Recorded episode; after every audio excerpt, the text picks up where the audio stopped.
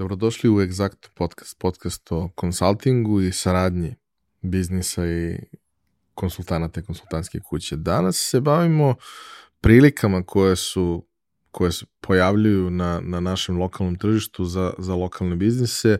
Pričat ćemo i o investicijama, pričat ćemo i o nekim drugim prilikama koje se pojavljuju, a koje možda ne koristimo dovoljno. A, o nekim od njih se egzakta bavi već nekoliko godina kroz razne istraživanja i studije koje su pravljene. Ajde da krenemo od toga šta su najveće prilike na, na, na lokalu koje ne razumemo dovoljno i ne koristimo dovoljno.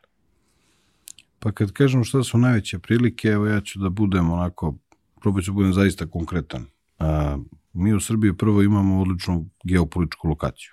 Mi ceo što se dešava trenutno sad kad pričamo, je nešto što je definitivno prilika u, u, u, u Srbiji. A, taj odnos polarizacije sveta, istog, zapad, mi smo tu negde, ta neka raskrsnica o kojoj svi pričamo. I mislim da je to velika prilika i velika šansa za srpsku privredu. Mi imamo izuzetno veliki broj ljudi koji su preduzetnici, taj segment malog i srednjeg preduzeća koji može da bude još jači nego što jeste. Danas i na tome moralo mnogo da se radi. Imamo izuzetan kadar i naš kadar je svugde u svetu veoma cenjen.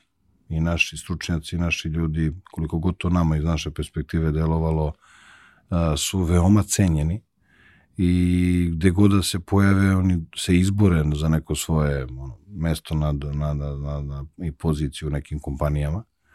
A, šta to negde za nas i kako ja to doživljavam jeste da treba da se posvetimo tome da kroz jačanje srpske privrede, kad kažem srpske privrede, jačanje srpske privrede sa aspekta preduzetništva i malih srednjih preduzeća, kompanija koje su u vlasništvu lokalnog stanovništva.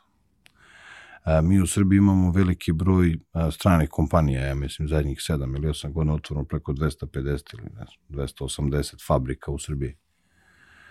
Mi samo moramo negde svi da budemo svesni da su te fabrike dolazile u Srbiju i otvarale a, svoja predstavništva i, i, i fabrike ovde iz razloga jeftine radne snage.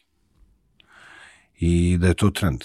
Nekad su bili u Kini, pa iz Kine u Tajland, sad su, ne znam, bili u Poljskoj, pa iz Poljske u Rumuniju, pa iz Rumunije su te kompanije se presele u Srbiju onog momenta kada mi u Srbiji budemo došli još, ne znam, nija proščan plata već 100 eura gore, oni će svi da se najverovatnije sele još južnije, pa će sad ne idu i dalje prema Turskoj, prema Africi, opet da traže jeftinu radnu snagu.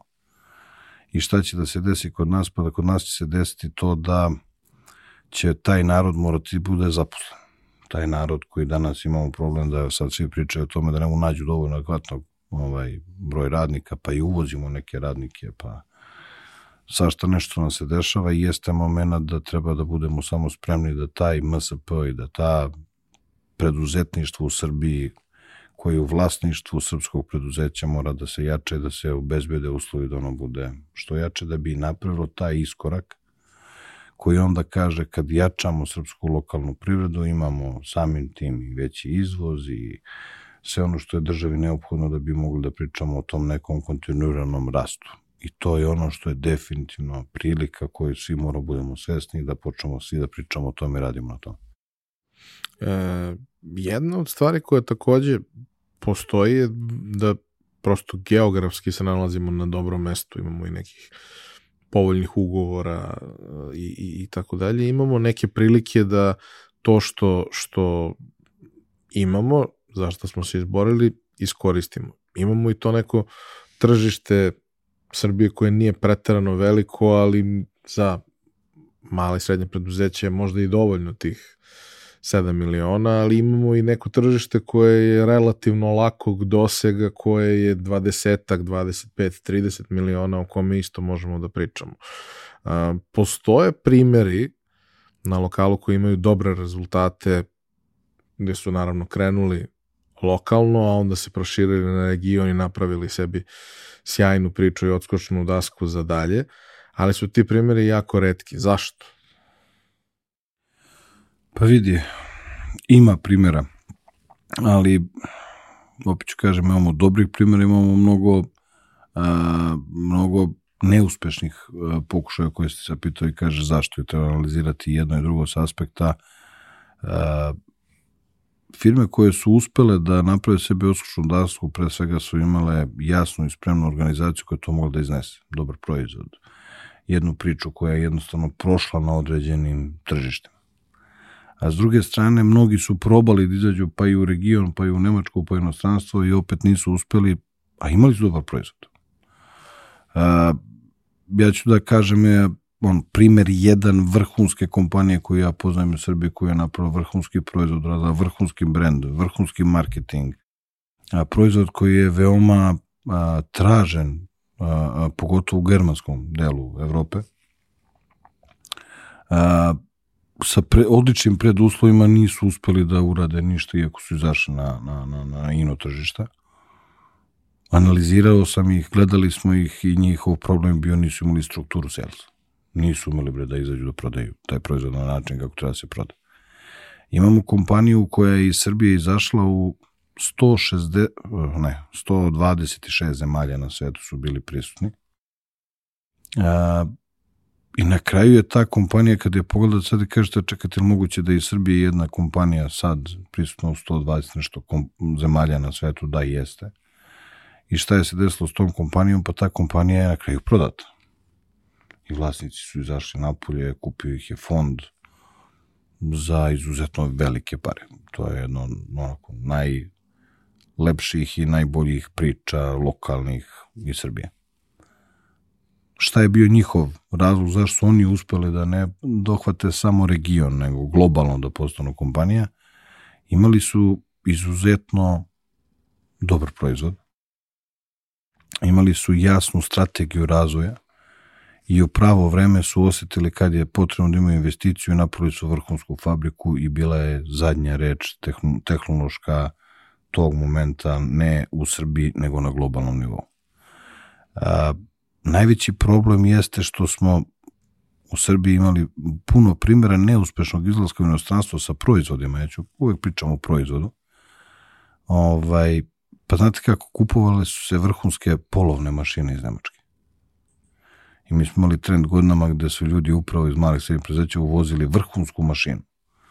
CNC, ne znam, viljuškar, ne znam, šta god. Star 7 godina, 10 godina iz Nemačke. I onda naše znanje da na tom polovnoj mašini, polovnom stroju ili CNC-u napravimo vrhunski proizvod. I ljudi su spevali da naprave proizvod. E onda kad krenete ga izvezete imate problem, pa on baš i nije vrhunski, jer sama operacija koja na njemu treba da se uradi, se radi mašini stare 10 godina.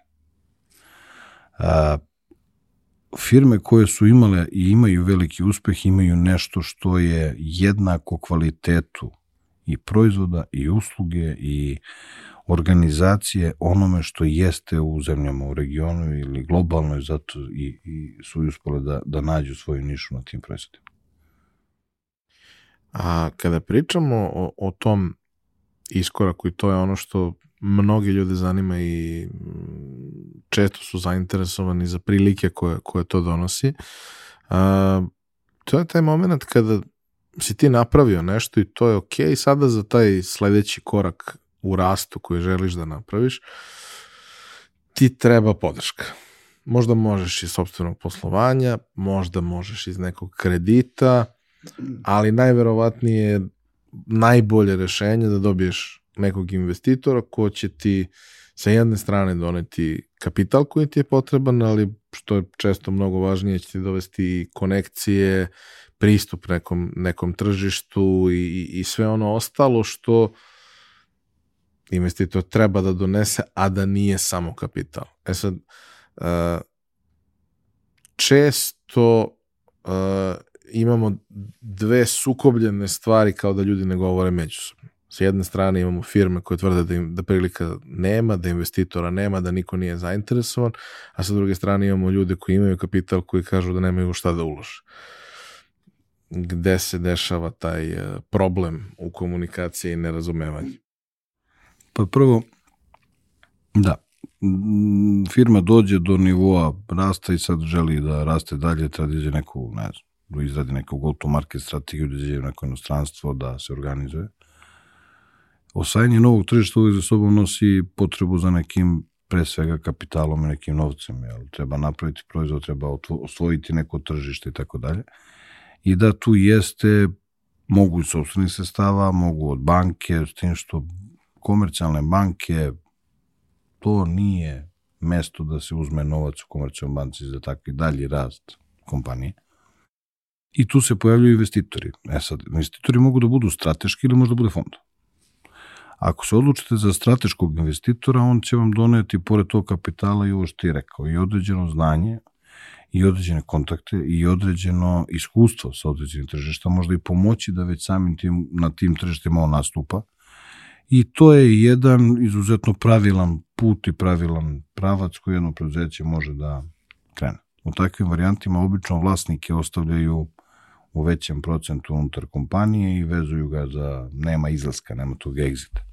Sa druge strane, se kapital može obezbediti od strane nekog od fondova. I ti fondovi, a, to je ona priča što smo već pričali u, u prethodnoj epizodi, da ti fondovi veoma često i nemaju to znanje ni iz industrije, niti imaju te vaše kontakte, ali će vam i oni doneti pored tog kapitala još nešto što će doneti isto i ovaj strateški partner, to je sistem i način organizovanja. Znate, postavit se, ako ništa drugo, neki upravni ili nadzorni odbor koji će biti moment kada se na tom telu donose, odlučno, donose odluke.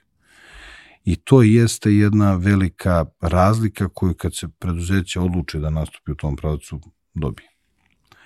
A, Zbog čega sad ovo kažem, ovo je opet vezano za priču koju smo pričali u prethodnim epizodama, to jeste uvođenje kulture u određeno preduzeće koje jeste za da ta kultura donese razumevanje u komunikaciji između kompanije i investitora. I to jeste odgovor na tvoje pitanje koje si ti postavio. S jedne strane imamo kompanije koje kažu imam biznis i ja bi da nađem nekog investitora, ali nikako da nađem investitora a sa druge strane imate i fondovi i ljude koji imaju kapital, koji su investitori, koji kažu, ali ja nemam gde da investiram.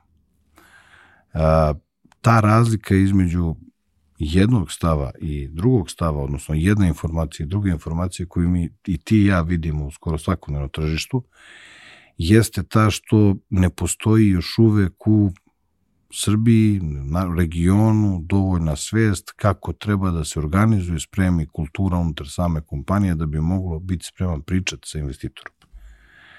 I još uvek nismo naučili šta to investitori od nas očekuju.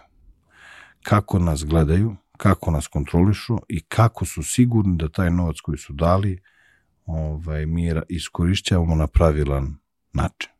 I najveći problem jeste u to upravo način komunikacije. E sad, da li je to krivo, ne znam, sistem školstva koji nije prilagođen svemu tome, pa na primjer na zapadu ili u Americi klinci u ne znam, trećem, četvrtom razdu osnovne škole ili u periodu 10-12 godina već uče u preduzetništvu, već uče u sistemu izveštavanja, već, već uče šta je investiciona jedinica, već uče šta je akcija, a naša deca to veoma često, u, ako ne završe ekonomiju pa neki smer, ovaj, izlaze u preduzetništvo da u životu nisu čuli ni šta je račun, ni šta je osiguranje, ni šta je polisa, ni šta je akcija, ni šta je fond, ni šta je trust, ni šta je i onda samim tim već nemaju tu polaznu jednaku osnovu da bi mogli uopšte da budu spremni da komuniciraju sa investitorima. Eto, to je. Pre nekoliko godina sam učestvovao na jednom projektu koji se bavio uvođenjem crowd investing platforme prve kod nas i um, kada smo radili istraživanje i sve ostalo dok su se pravnici i ljudi iz financija bavili postavljanjem cele strukture i omogućavanjem uopšte da se napravi okvir da se to desi.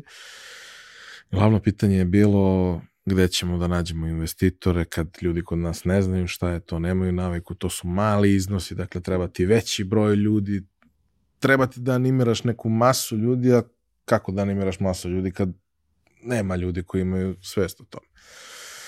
Da bi se ispostavilo kada je sve počelo, da je mnogo manji problem naći investitore, jer polako, ali sigurno se ljudi sve više informišu o svemu tome i naročito oni koji su u poziciji zbog posla i zbog svega da mogu da umesto na štednju, što je nekad rađeno, taj novac ulažu negde da bi on zadržao ili povećao vrednost, da je zapravo mnogo veći problem sa vlasnicima preduzeća kojima čak i kada im napraviš uh, crtani film koji objašnjava šta se dešava, koji traje dva minuta i sve je objašnjeno, on sasluša to i sasluša da je to finansijski, finansijsko-marketinjski instrument koji služi da se isfinansira i ispromoviše rast.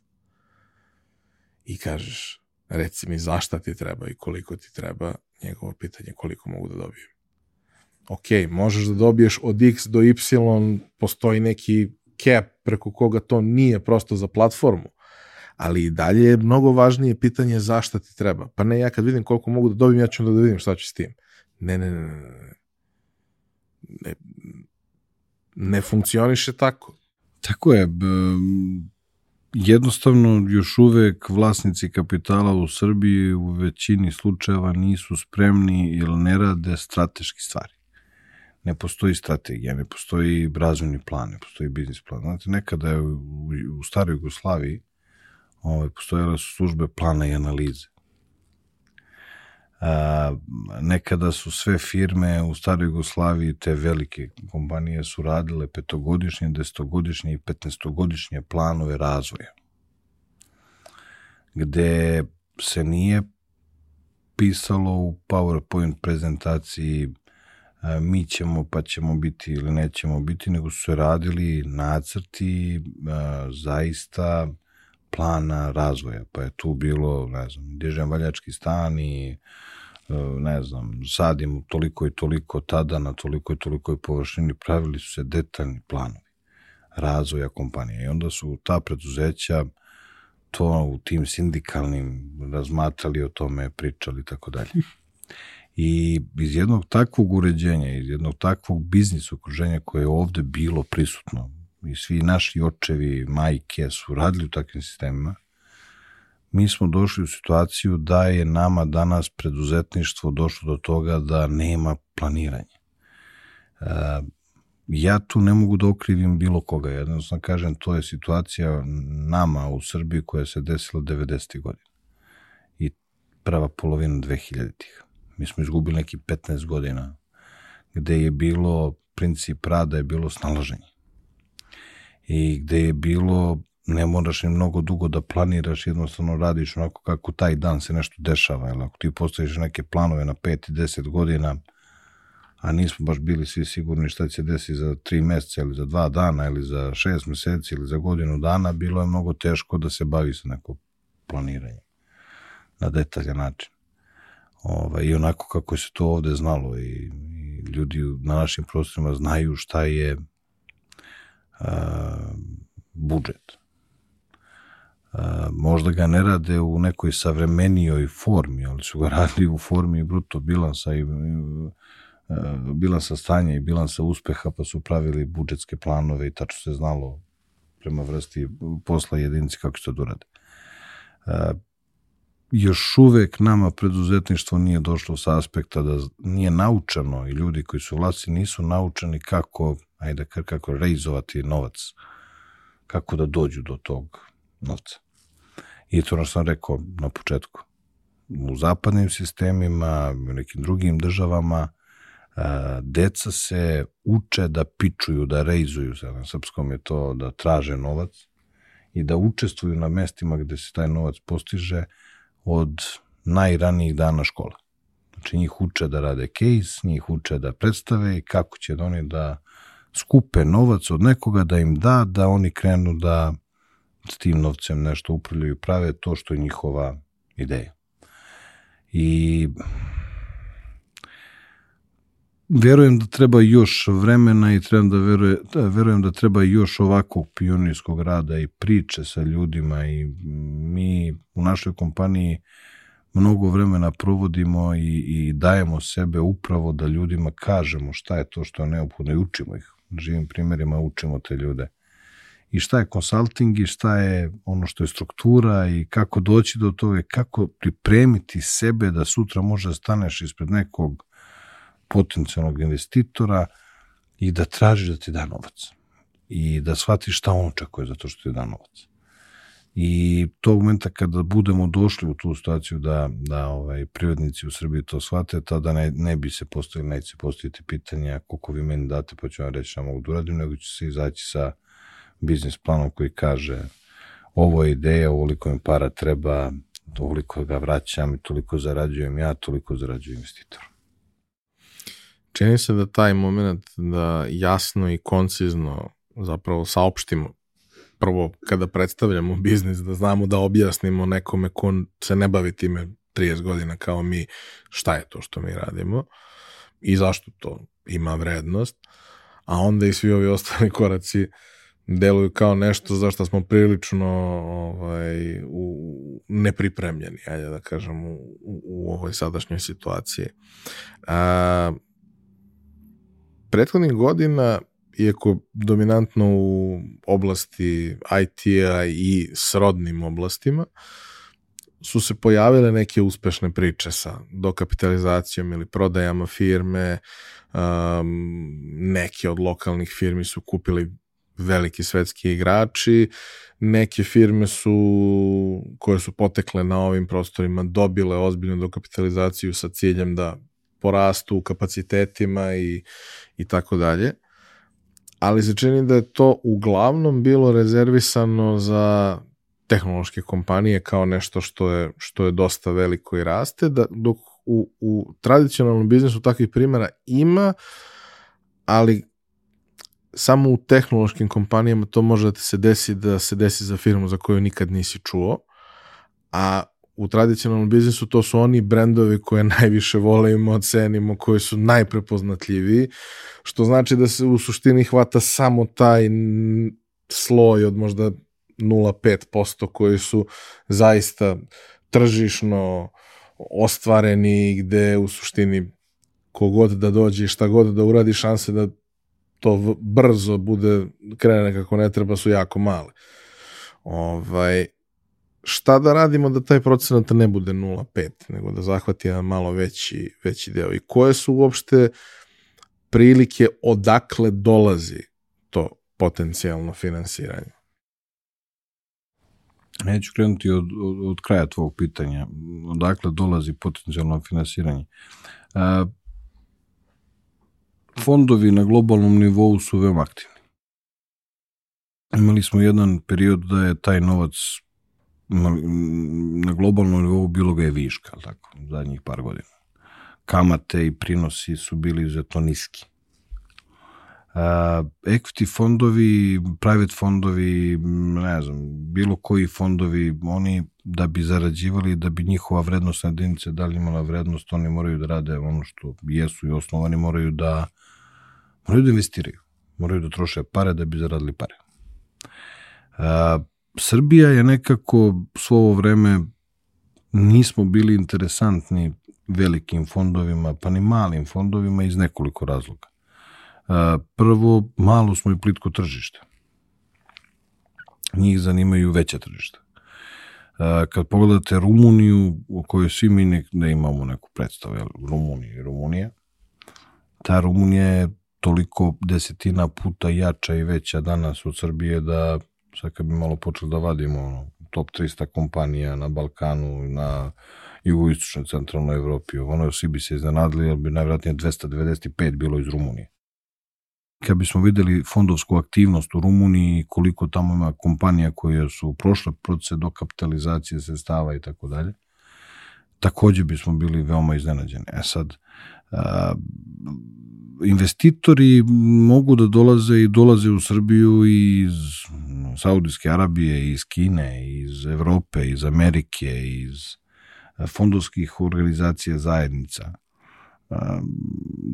Jednostavno, mi smo u Srbiji imali i imamo i najveće fondove, globalno najveće fondove, koji su došli, prepoznali određeno što si rekao, tehnološko ili ovako ili onako priču i oni su svoje pare ovde davali, odnosno stavili. Šta je to što evo da uradimo da bi se povećao taj procenat firmi koje na ovaj način počinju da skuplju, odnosno dođu do kapitala i do novca? A, mislim da smo na dobrom putu, ne zato što smo već nešto pretrano radili, nego jednostavno m, banke više ni ne daju novac i finanske institucije na način kako su ga ranije davale a, za različitu namenu i tako dalje. To je broj jedan. Broj dva, a, krediti postaju skupi. Danas su kamate već na 6, 7, 8%. Pre godinu i po dana su bili na 1,5 do 2. A, I kad uzmete neki kredit koji je u velikom iznosu da bi se ne znam, uradio neki ciklus koji jeste investicioni ciklus i traje, ne znam, nije 3 ili 5 godina i treba plaćati godišnju kamatu 7-8%, sa sve manjim profitima, odnosno maržama u biznisu, zašto? Zato što je jeli, inflacija i kriza i tako dalje, onda je to neizvodljivo.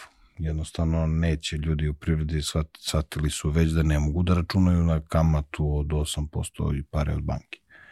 I samim tim su već svi počeli da gledaju šta su ti alternativni kanali, odnosno alternativni način finansiranja, upravo ti fondovi, neki strani investitori. Tako da verujem da će tih 0,5 relativno brzo da ovaj ne bude više 0,5, nego da će da bude značajno veći procenat. A, ja ću opet da kažem, edukacija i obrazovanje na bilo koji način vlasnika i ljudi koji su vlasnici biznisa i koji planiraju da uzmu novac na na taj alternativni način. Moraju da budu svesni kako moraju da se predstave, kako moraju predstave biznis i kako moraju da izgledaju iznutra njihovi biznis i organizacije da bi neko dao pare. Eto, to je... A koliko ima smisla neka vrsta udruživanja? E sad kad pričamo o udruživanju, pitaš me za udruživanje unutar jedne industrije, pa kao neke Recimo, niše, kao da. grane.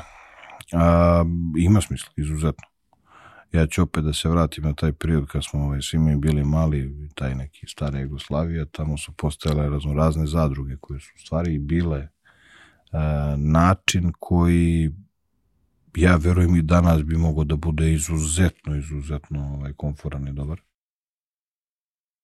To je s jedne strane, s druge strane, uh, kupovina i prodaja kompanija unutar jedne grane, jedne industrije je nešto što je pattern ponašanja na globalnom nivou. E, sve industrije imaju upravo tendenciju da se sužavaju svi kažu na tri kompanije, na prvu, na drugu i na onu treću koja izaziva jednu od ove dve da je kupe, jel tako da bi postala, ne znam, prva i mi smo to u Srbiji imali mnogih primera. Videli ste da se to desilo u telekomunikacijama, na primjer, gde smo imali nebrojen broj malih operatera, pa ih danas nemamo. Danas imamo dva velika i imamo treće koji ih izaziva, je tako? A, pa smo videli da smo i pominjali smo jednom prilikom da koliko je bilo banaka u Srbiji, koliko ih ima danas i ko su najveće banke danas u Srbiji i kako su one postale to što jesu postale pa dobar deo njih su i postale toliko velike tako što su kupile, pa neke banke su kupile čak po 5-6 banaka. Ovaj, I meržovale se i danas su jedna banka. A, udruživanje može da bude upravo tako da neko ko je unutar jedne industrije jak može da kupi konkurenciju pa da napravi na taj način jedan nivo jake kompanije koja će sigurno biti spremnija i za dodatni dokap uh, jer će tog momenta imati onu snagu koji neki fondovi ili neki investitori očekuju, hoće da daju pre novac u kompaniju koja ima, ne znam, 50 plus miliona eura revenju, a i ne znam, nije 5 miliona ili 3 miliona dobiti ili ne znam, nije očekivani rast 50, 50% na godinu na godinu ili tako dalje. Ali ono što još zanimljivo jeste i to što je rekao udruživanje. Da, mogu da se udruži više kompanija pa da se napravi neka forma zadrge, neka forma klastera koji će na takav način opet probati da reizuje novac i da dođe do tog novca iako nije urađen merge, nije promen vlasništvo unutar kompanije. E, kada pričamo o onim velikim ozbiljnim fondovima, jedan od glavnih problema jeste to što svi ovi svi ovi biznisi i svi ovi tiketi koji postoje na neki način kao prilike za investiciju su njima previše sitni, njima nema ko se bavi tim. Kao što je i sa bankama postalo to tako da ukoliko si mali i treba ti relativno mali kredit, banci je postalo preskupo da se bavi time da uopšte obradi taj kredit da bi ga plasirao. Jeste.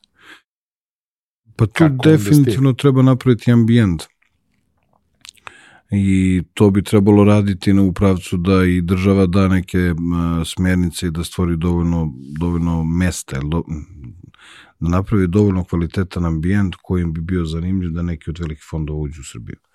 Šta to znači? Pa to znači da bi država trebala, na primjer, da pokrene to što imaju većine zemalja u regionu, taj neki takozvani fond fondova. Ovaj, u suštini, fond fondova u svim zemljama u regionu i funkcioniše tako što država određen novac iz budžeta finansira delimično kroz taj fond fondova, a on kao fond fondova onda investira upravo u taj neki zajednički fond koji de, onda njemu pristupaju neki od tih velikih private ili equity fondova, ali tako dalje, private fondova.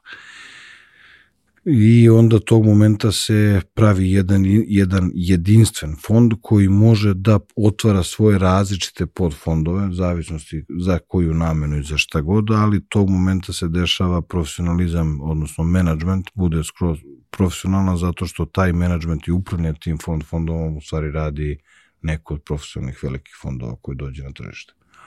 Što oni dolaze tek tog momenta i što je u svim zemljama u regionu bio, bila takva praksa, pa zato što je to tim fondovima neka dodatna sigurnost. Ali tu postoji mnogo preduslova ovaj, koji bi trebalo da se stvore, da se definiše takva vrsta fonda, da li otvornog ili zatvornog tipa, da li e, će da se bavi samo investicijama u Srbiji ili može da investira i van Srbije. Da li je interesantno takva vrsta fonda investira, ne znam nije, u Sloveniju, u Hrvatsku, u Crnogoru i tvoje glavno pitanje je njima je ovo tržište plitko i malo. Na 200, 300 miliona, 400 miliona eura za jedan fond na godišnjem nivou investicija na nekom tržištu nisu veliki pare. A mi treba postavimo pitanje da li mi imamo toliko kompanija u kojima može da se investira po neki deo kapitala. Da, li imamo jel, u šta da investiramo u drugu i treću godini? Jer, kako ti kažem, da će baš da dolaze i da kupuju uh, fondovi, da bi kupila fondovi preduzeća u Srbiji koja su u strukturi malog i srednjeg preduzeća, jedino što si rekao, neko ili tehnološko preduzeće i to je to. Strateški partneri da dođu da kupe u Srbiji preduzeće zbog strateškog odnosa, ako je zbog tržišta, pa postavlja se pitanje da li će ga kupiti ili će taj novac koji treba da daju dati u marketing i izgasti ga.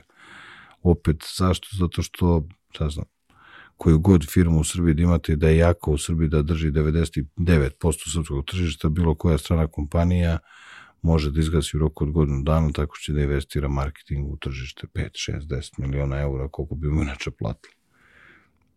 I sa marketingom možda ga izgura ili u celosti sa tržišta ili da mu već prve ili druge godine preotme, ne znam, 40 ili 50 ili 35% tržišta. Što je u suštini jeste problem te, tog tržišta koje je poprilično plitko. E, za kraj bih volao ako možeš da napraviš neku vrstu pojednostavljenog hodograma kako bi neko ko hoće da planira na nivou od nekoliko godina, pet, recimo, i vidi u perspektivi potrebu i priliku za investiranje, kako bi trebalo da pristupi tome ovaj, koji bi to bili koraci da Kad kažeš investiranje da obezbedi novac da obezbedi finansiranje za, za svoj rast ili šta god. Mm, definisati jasno i precizno biznis plan šta je ta investicija koja će desiti, zašto treba taj novac. Da li je to izlazak na novo, novo tržište, da li je to ne znam, nova proizvodnja, da li je to novi proizvod, da li je to nova linija. A, definisati jasno i precizno sistem izveštavanja i sistem budžetiranja. A, niko vas neće, niko neće staviti novac u kompaniju ukoliko ne pogleda minimum dve ili tri godine unazad sistem izveštavanja na mesečnom nivou, na dnevnom nivou, kako se kretala EBITDA, kako se kretali performanse preduzeća. A, definitivno postaviti organizaciju tako da je izuzetno profesionalna, a, neće investirati niko u one man show kompanije, neće, niko neće investirati u preduzeća koje su ono, što mi kažemo, friends and family preduzeća, odnosno tu su svi moji drugari i tu je sva moja familija i mi smo jedno porodično prijateljsko preduzeće. Ovaj, pa kad se neko nekoga naljuti, mi se svi drugi naljutimo, pa svi odemo iz firme. Znači, u takvu vrstu preduzeća fondovi neće definitivno ovaj, investirati. I treća je možda najvažnija stvar, jasno i precizno obezbediti mogućnost da neko sa strane jednostavnim uvidima može da vidi kakva je kretnja tog profita kroz godinu i godinu nazad do tog jedinice proizvoda ili do te usluge. Jer to je na kraju ovaj, cele priče ono što će neko da, da gleda. Ali jasan, precizan plan, gde ćemo da budemo, kako ćemo do njega da stignemo, kako izgleda budžet, kako izgleda sistem izveštavanja, gde su mi ljudi, kakvi su mi ljudi, ako imam interne resurse, ako su dobri, imaju potencijala, školujte ljude, dajte im edukaciju, pošaljite ih neki MBA, pošaljite ih u neku školu dodatno. Ukoliko vidite da nemate potreban kapacitet ovaj, u svojim resursima i nemate dovoljno snage kod tih ljudi, izađite na tržište, angažujte headhunting agencije, dovedite neke menadžere, dajte im priliku. I ovo sve što sam rekao je ne treće godine ili četvrte godine, nego onog momenta kada donete odluka da hoćete da, ne znam, reizujete pare, da pristupite nekom investicionom fondu ili fondu za pet godina, to treba početi danas. Ne, hvala ti. Mislim da smo prošli nekoliko vrlo zanimljivih tema i zaokružili ovu priču za sad. Hvala vama što ste nas slušali. Naredni petak, 12, sledeća epizoda, opet neka zanimljiva konsultantska i biznis tema. Mi se vidimo uh, za nedelju dana.